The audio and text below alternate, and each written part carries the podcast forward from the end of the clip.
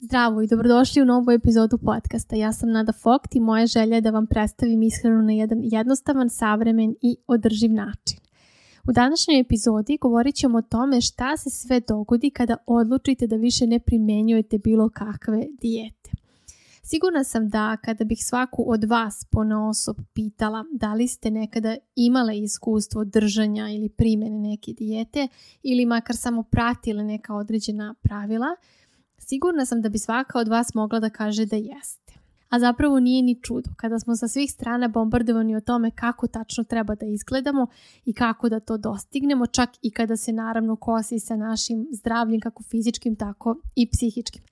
Kada jedno ide na uštrb drugog, to se nikako ne bi moglo nazvati zdravom ishranom. I jedan od osnovnih ciljeva mog rada je da što više ljudi postane svesno da instant dijete nisu rešenje i da zdrava ishrana i tekako može biti i jednostavna i neopterećujuća dok u isto vrijeme negujete svoje i fizičko i psihičko zdravlje. Ukoliko ste rešili da zauvek prestanete da držite rigorozne dijete kojima je jedini cilj što brži gubitak kilaže i ovdje obratite pažnju, ne mislim na što brži gubitak telesnih masti, već baš kilaže. Dakle, želim da vam čestitam jer radite jednu veliku stvar za sebe i za svoje zdravlje. Posebno na dugoročnom planu, oslobađanje od svakog restriktivnog i suludog plana ishrane je zapravo trajno rešenje za vaše zdravlje, a ujedno i naravno neki željeni fizički izgled. Ipak, kao i svaka promjena, i ova da prestanete sa a, tim suludim restriktivnim dijetama za sobom ipak nosi određene teškoće sa kojima ćete morati da se nosite i verujem da je bolje da ih znate u samom startu. A, možda će vas neka od ovih stvari zaobići, a neka biti izraženija od a, drugih, ali na kraju važno je samo da znate da ni jedna od ovih stavki koje će vam se događati nije znak da nešto ne radite dobro, već upravo suprotno da je to sve deo procesa. Za početak kada prestanete sa dijetom, bit ćete nesigurni. Jer kada godinama brojite kalorije i to vam je osnovno merilo, sasvim je očekivano da se u početku osjećate nesigurno. Ipak naravno ne brinite, vremenom ćete početi da slušate svoj organizam i pratite njegove znake u vidu gladi i sitosti i neće biti potrebe da bilo šta striktno brojite ili merite. U ostalom, ako jeste neko ko je stalno brojao i računao, imate makar jednu relativno korisnu stvar iz svega toga, a to je da imate neko osnovno poznavanje kalorijskih i nutritivnih vrednosti hrane, što vam ipak može biti od pomoći pri nekom odokativnom određivanju porcija. Ja sam veliki zagovornik toga da ne treba da se opterećujete računanjem kalorija, ali isto tako to ne znači da hrana nema kalorijsku vrijednost. Bitno je da budete svesni da recimo kesica čipsa ili smokija ima svoje kalorije koje se ubrajaju u ukupan dnevni unos. Meni se ovo počesto dogodi u radu sa klijentima da recimo postoji osobe koje nemaju predstavu o ovim stvarima i onda nepotrebno sebe dovode u stanje da nesvesno jedu više hrane. Evo daću vam i primjer. Navela sam baš kesicu čipsa jer sam imala jednu klijentkinju koja je a, inače bila vegetarijanac, samim tim žena imala izvrsno poznavanje te hrane i toga šta spada u tu kategoriju, a šta ne spada. A, u svojoj ishrani koristila je mnogi namirnice za, za koje mnogi, da kažem, prosječni ljudi ni ne znaju. Dakle, po tome biste pomislili da žena ima neko, da kažemo, besprekorno poznavanje svega u vezi sa nutritivnim svojstvima hrane. Međutim, u jednom trenutku tokom naše saradnje ona mi kaže da je dok je jela čip sa svojim sinom, onako samo je okrenula kesicu do pogleda nutritivne vrednosti i zaprepastila se kada je vidjela da recimo ta cela kesica koju ona kao od šale može da pojede u cugu ima jednako kalorija kao i jedna porcija obroka. I onda je i sama rekla, ja suštinski ni ne uživam posebno u jedanju ovog čipsa, više sam onako usputno grickala u društvu a, sa svojim detetom. I upravo nove stvari, ja mislim, kada kažem da je dobro da imate poznavanje ovih kalorijskih i nutritivnih vrednosti, tu neku svest o tim vrednostima, isto je recimo i sa dodavanjem ulja obrocima. Ulje je naravno važno u ishrani i tekako doprinosi i ukusu hrane, ali recimo porciju salate, posebno kada je kao prilog obroku. Sasvim je dovoljno da začinite za recimo dve kašičice ulja i možda još neki balzamiko, šta god, jer to onda čini veliku razliku od onog, od onog momenta kada onako nalivate ulje preko salate. Jer ta dodatna količina neće toliko doprineti a, boljem ukusu, čak naprotiv, onda se i ta svežina salate koja mi treba da doprinese obroku gubi, a vi bez potrebe dobijate veću energetsku vrednost cijelog obroka. U ostalom vidjet ćete i vremenom kako će vam organizam sam davati do znanja ovim stvarima pa ćete na neki način i bez razmišljanja primećivati a, razliku i bilo kakvo a, preračunavanje zapravo će vama biti prošlost u vašem odnosu prema ishrani. Zatim, vrlo je verovatno da, da ćete se plašiti u početku, pre svega da se ne ugojite, da ne izgubite kontrolu i postanete sve ono protiv čega ste se godinama silno borili. A, kako sad odjednom ako krenete da jedete i ako se oslonite da slušate sebe, kako da to sada ne ide u nekom neželjenom smeru? Ali to je zapravo normalno i sasvim očekivano. Ukoliko ovo bude posebno naravno izraženo, onda bi bilo idealno da porazgovarate sa stručnim licem koje će vam pomoći da se sa time nosite na pravi način i naravno na kraju i prevazićete. Zatim, ješće vam se sve i svašta. A, ukoliko ste se dugo suzdržavali od određene hrane, normalno je da ste svega željni. I to samo znači da vaš organizam radi baš kako treba, jer traži sve ono čega je i bio lišen. Tačnije, to traži vaš mozak koji se plaši da će mu ponovo sve biti uskraćeno. I ovo se zove uh, medeni mesec faza, kada u početku imate potrebu da jedete sve i svašta i više količinske određene hrane i ne dozvolite da vas ovo obeshrabri ili uplaši. Ovo je zapravo najprirodnija reakcija organizma na lišavanje i vrlo brzo se reguliše upravo time što sebi date dozvolu da jedete to što vam se jede i dozvolite sebi tu veću količinu u početku što će se vremenom naravno i regulisati. Na konkretnom primjeru to bi recimo bilo ako ste vi zabranjivali sebi da jedete slatkiše, torte, kolače i sada želite sebi da date dozvolu. A, vrlo je verovatno da vam možda neće biti dovoljna a, recimo jedno parče torte. Imaćete utisak da možete bez problema da pojedete dva, tri parčeta.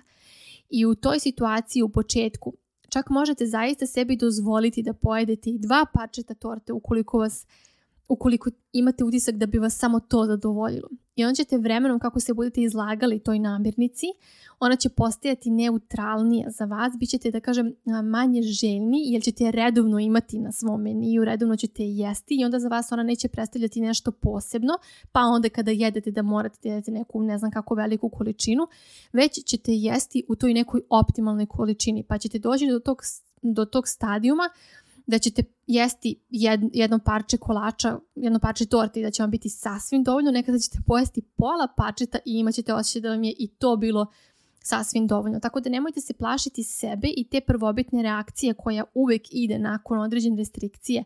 Dakle, te reakcije da imate potrebu da pojedete više – jer to je upravo ono što se ver, verovatno svima vama i događa koji ste zarobljeni u tim ciklusima dijeta, da a, imate taj strah da date sebi dozvolu, upravo iz tog razloga kada god date sebi dozvolu, vi imate potrebu, imate želju da pojedete mnogo više te hrane i onda vi verujete da ste vi hajde da kažemo, zavisni od hrane. Tako obično ljudi kažu ja sam zavisna od slatkiša i ja moram ili sebi da ih zabranim ili nemam meru. A to je taj začarani krug čim zabranjujete, normalno je da nećete imati meru. To je tako jedna očekivana i normalna reakcija na svaku zabranu. Zato u početku nemojte se plašiti toga, dozvolite sebi, dozvolite sebi tu veću količinu, dajte sebi mogućnost da se zadovoljite, što bi se reklo, tom, tom količinom hrane a, i učestalošću naravno, a onda ćete vremenom, vidjet ćete kako će to sve, ta hrana kojom se zadovoljavate, bit će nekako sve neutralnija, i zaista ćete u jednom trenutku doći do toga da ćete moći da pojedete jedno parče i bit će vam sasvim i više nego dovoljno ili pola parčeta i bit će vam i više nego dovoljno. Zatim imajte na umu da će vam biti potrebno vreme. A, bilo bi idealno da možemo samo nešto da pročitamo, čujemo i u sekundi promenimo mišljenje i rešimo problem. Ali to znati sami da ne funkcioniše baš tako. Uglavnom su godine potrebne da do takvih promjena dođe i bilo bi nerealno očekivati da se za tri dana nešto riješi. Potrebno je prilagođavanje, period promene, učenje novih obrazaca i sl. I zamislite samo koliko dugo godina ste na raznim dijetama ili u tom začaranom krugu prema ishrani i jasno je da ne možete da očekujete da će se to sad sve promeniti u nekom vrlo kratkom vremenskom periodu. Obično se kaže da koliko dugo imate neki problem prema ishrani, toliko dugo je i potrebno da se promeni Tako da budite strpljivi i pre svega istrajni. Dakle, dan po dan, bit će situacija da dva dana bude super, pa onda treći bude neki fijasko. Ali ne dozvolite da vas to beshrabri, već samo nastavite po svom. Znate koji je vaš cilj, to jest kakav način života vi želite da imate po pitanju ishrane i vašeg zdravlja i samo idite ka tome. Nekada je zaista neophodna i stručna pomoć, tako da nemojte se usručavati da je zatražite. Pratite svoj tempo. Nekome će ići brže, nekome sporije, nekome lakše, nekome teže. Svi smo mi različiti i nema potrebe takmičiti se sa bilo kime, posebno kada su ovakve stvari u pitanju.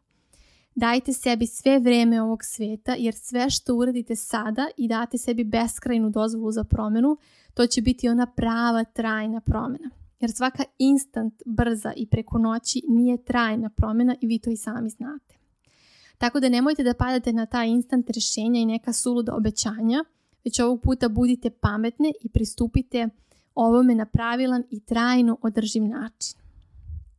Imaćete situaciju da će vas pogađati tuđi komentari. Verovatno ću u nekom momentu neko prokomentarisati kako ne treba da jedete ovo ili ono, kako to goji ili ne goji, kako je možda kasno za večeru, kako treba da jedete pre šest i tako dalje. Možda se desi da vas takvi komentari pogode i vrate na prethodno podešavanje u kom ste vi strogo vodili računa o svim tim stvarima. Dotaknut će vas verovatno u ono oko čega ste svakako nesigurni i učinit će da se osjećate još nesigurnije. Samo tada, umjesto da posustanete, setite se da je to deo promene i da vi znate bolje od bilo koje druge osobe zašto i kako nešto radite, jer to je ono vaše jedinstveno zašto. Zašto nešto radite. Zatim poželit ćete da idete na sve ili ništa. U ostalom kao i do sada, ili ćete jesti šta vam padne na pamet ili nećete jesti ništa van nekog protokola. Takav pristup prividno daje osjećaj zadovoljstva i kontrole, ali vas zapravo samo tera dublje u problem. A kada osjetite da idete ka tome, podsjetite se da je sasvim u redu da dozvoljavate sebi ono što doživljavate kao greške, a zapravo su deo normalne ishrane.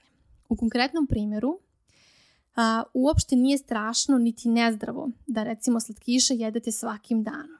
Ali ako su ti slatkiši veći deo unosa hrane tokom dana, onda to jeste nešto na čemu treba da radite. Ako imate potrebu da se svakim danom zasladite nekom porcijom vašeg omiljenog slatkiša, u tome nema ništa loše. Loše je kada vi to doživljavate kao loše, kao nešto što ne treba da radite iz nekog razloga i onda samo zbog te ideje da ne smete, vi na kraju jedete mnogo veće količine toga od one početne kojom biste inicijalno i bili zadovoljni. Zatim, um, osjećat ćete grižu savesti. Ukoliko ste godinama unazad osjećali grižu savesti svaki put kada gritnete bilo šta od takozvane zabranjene hrane, Biće vam potrebno vreme da naviknete da ni jedna hrana nije zabranjena, da vas ni jedna sama po sebi neće ugojiti. Novu naviku ćete steći ponavljanjem i uveravanjem da se zaista ništa ne dešava kad u svoju ishranu uključite ono od čega ste bežali. Korak po korak, dan po dan. Ne razmišljajte previše unapred. Možda će izgledati kao preveliki zalogaj, ali dajte sebi priliku da idete polako, strpljivo, uporno i istrajno. Trudite se dakle da 80% vaše ishrane budu nutritivno bogate namirnice, ali ne zato što je ostalo zabranjeno, već zbog svih benefita koje vam kvalitetna ishrana donosi. Kada na nju počnete da gledate na taj način, a ne samo kao na alat za postizanje određenog izgleda po svaku cijenu, sve će vam biti mnogo lakše i vaši rezultati će zaista biti trajno održivi.